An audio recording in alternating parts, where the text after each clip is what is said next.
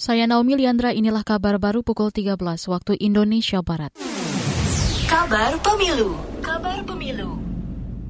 Presiden Joko Widodo, Jokowi meminta Komisi Pemilihan Umum KPU menyiapkan sarana prasarana penunjang pemilu 2024 dengan optimal.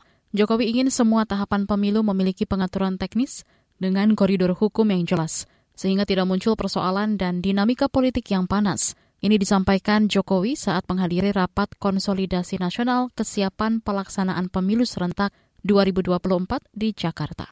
Momentum waktu yang masih tersisa harus kita manfaatkan sebaik-baiknya untuk meningkatkan kapasitas teknis persiapan pemilu, memperbaiki kekurangan-kekurangan yang ada, memperbaiki masalah-masalah yang harus kita selesaikan mengatasi kendala-kendala yang ada, mengatasi kelemahan-kelemahan yang masih ada. Segera ini harus kita selesaikan bersama-sama. Presiden Joko Widodo menyebut mengelola penyelenggaraan pemilu serentak tidaklah gampang. Kata dia, kondisi geografis yang luas dan beragam akan menjadi tantangan.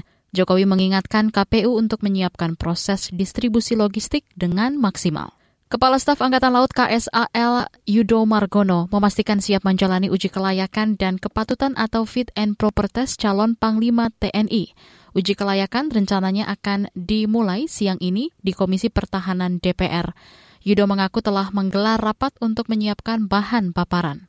Sejak kemarin ditanyakan rekan-rekan media, tentunya kita sudah mempersiapkan begitu kita disampaikan oleh Ketua DPR RI tentang eh, surprise Presiden, dan juga akan dilaksanakan fit and proper test, ya kita sudah rapat-rapat kecil menyiapkan segala sesuatu untuk nanti kita paparkan pada siang hari ini.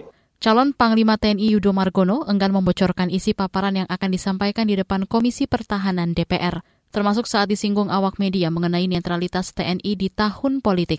Yudo Margono merupakan calon tunggal yang diajukan Presiden Jokowi untuk menggantikan Andika yang memasuki masa pensiun akhir bulan ini. Beralih ke informasi olahraga. Pelatih timnas Indonesia Sinteyong menggenjot fisik para pemainnya saat pemusatan latihan di Bali. Pemusatan latihan sudah berlangsung sejak 28 November untuk persiapan mengikuti Piala AFF 2022. Latihan fisik digelar karena fisik Fahrudin Arianto dan kawan-kawan sangat kedodoran imbas dari vakumnya kompetisi Liga 1. Pelatih fisik Timnas Indonesia Sin Sangyu mengatakan kondisi fisik pemain perlu ditingkatkan. Pada ajang Piala AFF 2022, Indonesia tergabung di grup A bersama Kamboja, Brunei Darussalam, Filipina, dan juara bertahan Thailand. Laga perdana skuad Garuda akan menjamu Kamboja pada 23 Desember. Demikian kabar baru KBR, saya Naomi Liandra.